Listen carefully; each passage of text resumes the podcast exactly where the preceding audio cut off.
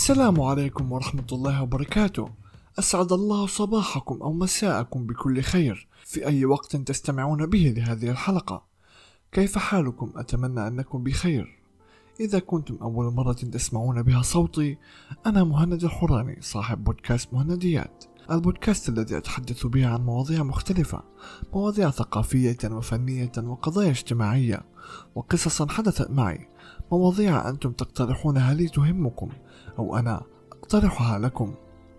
إذا كنتم تريدون التفاعل مع البودكاست والتحدث معي أنا سأكون سعيدا جدا بالدردشة معكم.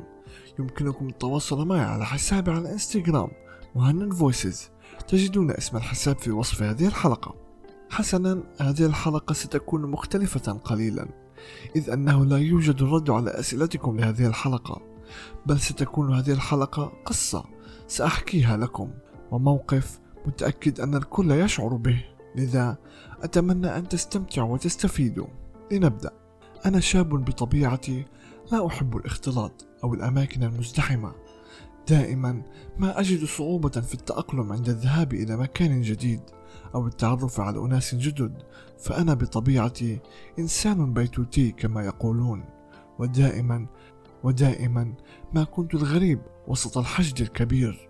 شخصيتي ليست قوية ولكن مع الزمن قمت بتوليد الثقة بنفسي.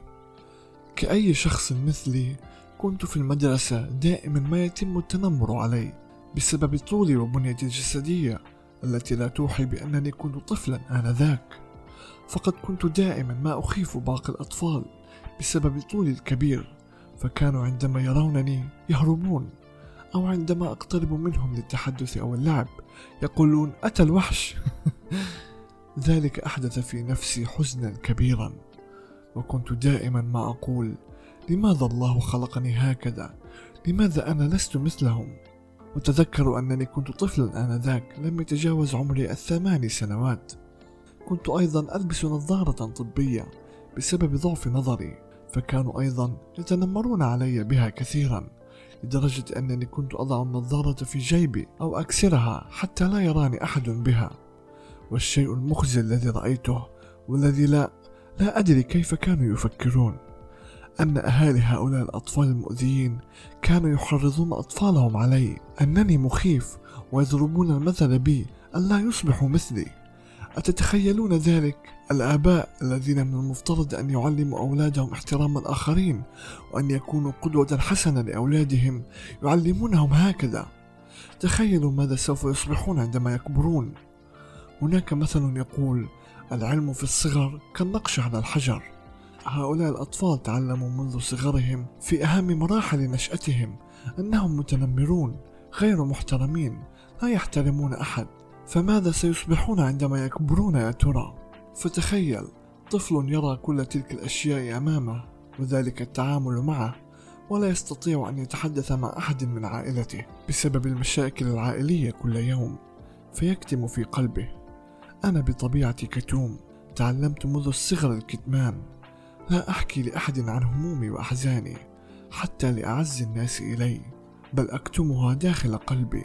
من الأشياء التي كنت أفعلها لأفرغ طاقتي السلبية وأنا صغير وألهي نفسي هي الرسم أو تأليف القصص والشخصيات الخيالية.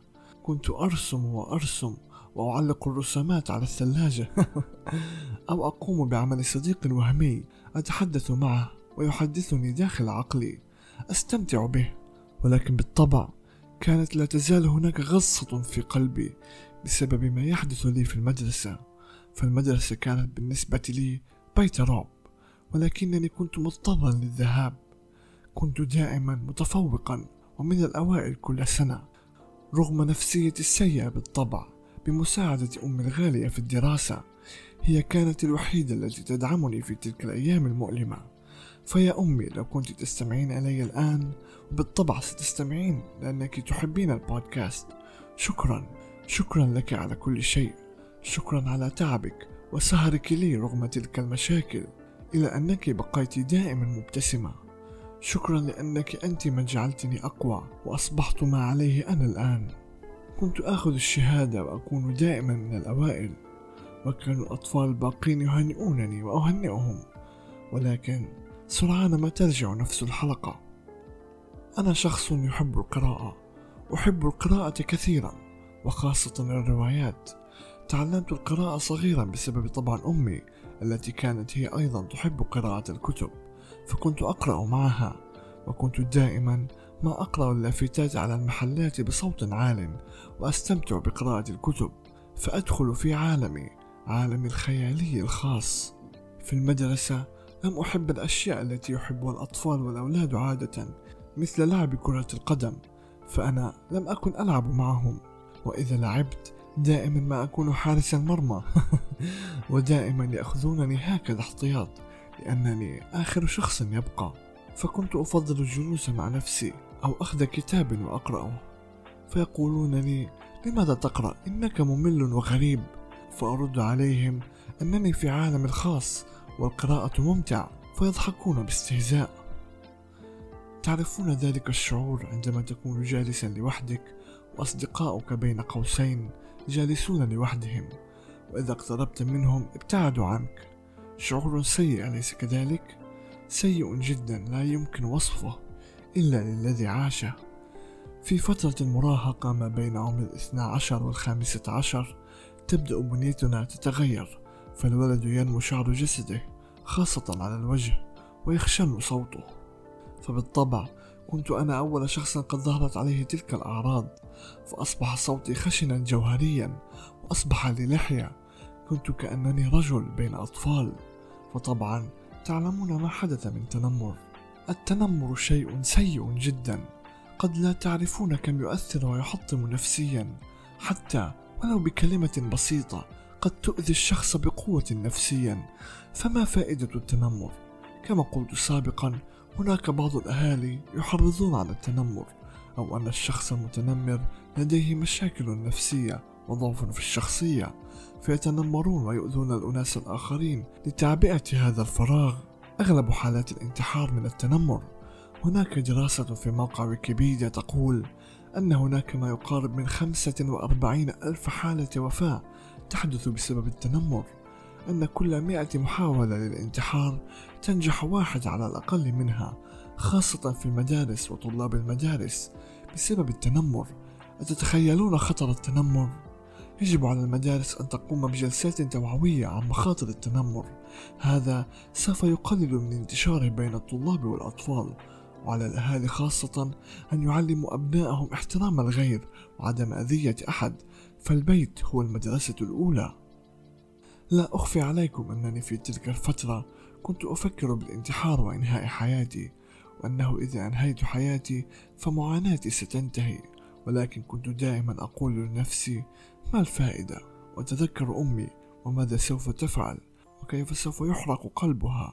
فأنا لا يهون علي رؤية دمعة أمي. تعرفون هذا الكتمان الذي كنت به كان له عواقب عندما كبرت.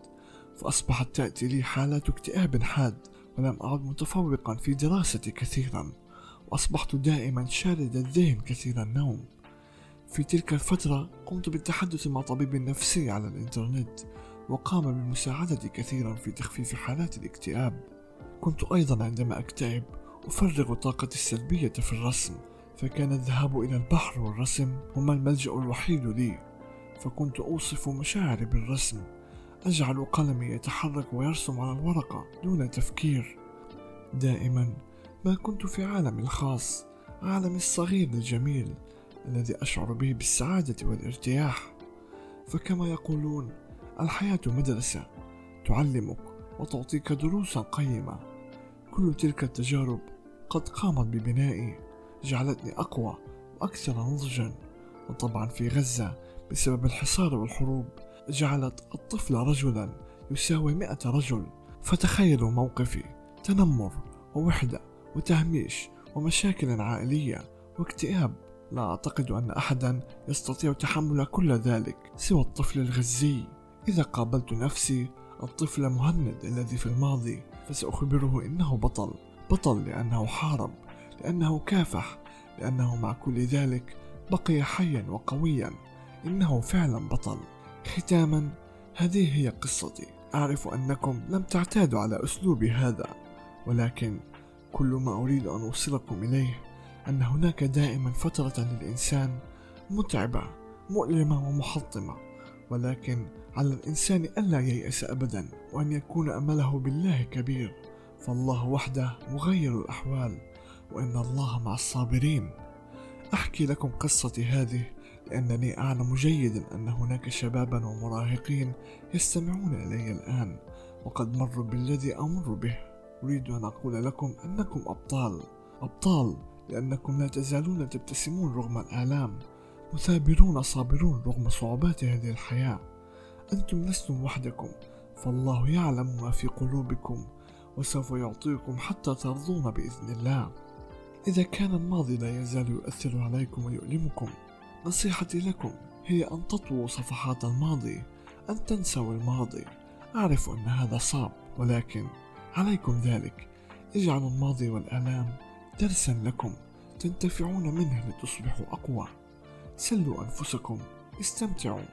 قوموا بالأشياء التي تحبونها. فرغوا طاقتكم السلبية بشيء أو هواية تحبونها. فإذا لم يكن لديكم ذلك قوموا بالكتابة. سأعطيكم طريقة فعالة. أريد منكم أن تأتوا بعدة أوراق وقلم. أريدكم أن تكتبوا ما في قلبكم. كل شيء. أخرجوا كل شيء وكل الطاقة السلبية والآلام في كتابتكم. دعوا يدكم. تكتب تلقائيا من قلبكم. بعد ذلك قوموا بتمزيق ذلك الورق. مزقوه كله. ستشعرون براحة بشكل تلقائي وكأن الهموم والطاقة السلبية قد تمزقت واندثرت. وأيضا اذهبوا لزيارة طبيب نفسي. لا تهتموا بكلام المجتمع الرجعي. أنه إذا ذهبت إلى طبيب نفسي فأنت مجنون. فكما الجسد يحتاج للعلاج من الطبيب أيضا النفس البشرية تحتاج للعلاج أيضا. فاذهب بدون تردد ومتأكد أنك سوف تستفيد.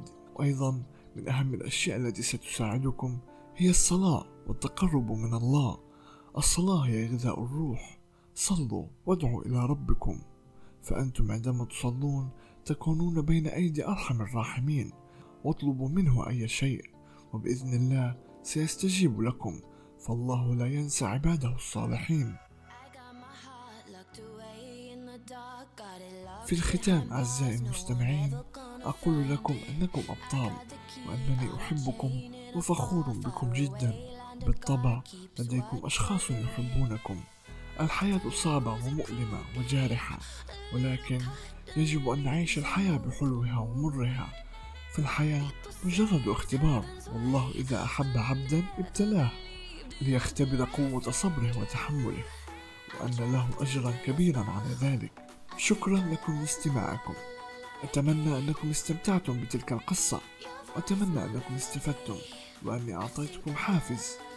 أنتم جوهر وقلب هذا البودكاست. بدونكم لا يكتمل البودكاست. ألقاكم في حلقة جديدة الأسبوع القادم.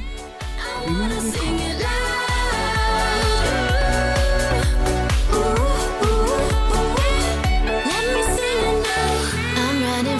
As a bird. Got the wind in my hair, and my body feels light as a feather. My days are full up with the colors of you, and the night with the view of the sky full of stars.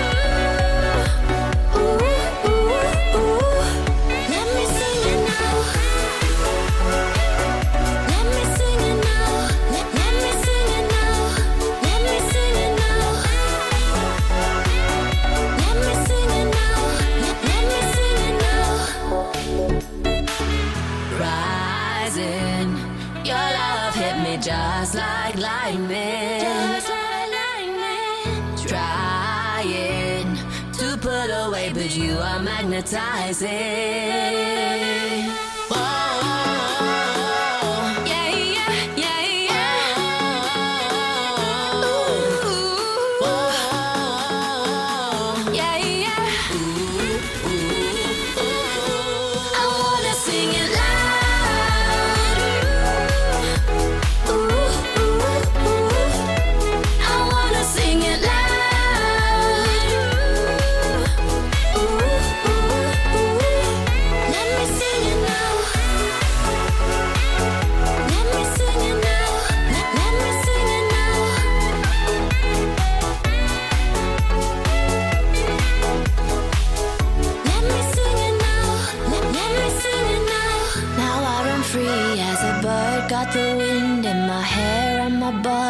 Feels light as a feather. My days are filled with all the colors of you, and the night with a view of the sky full of stars.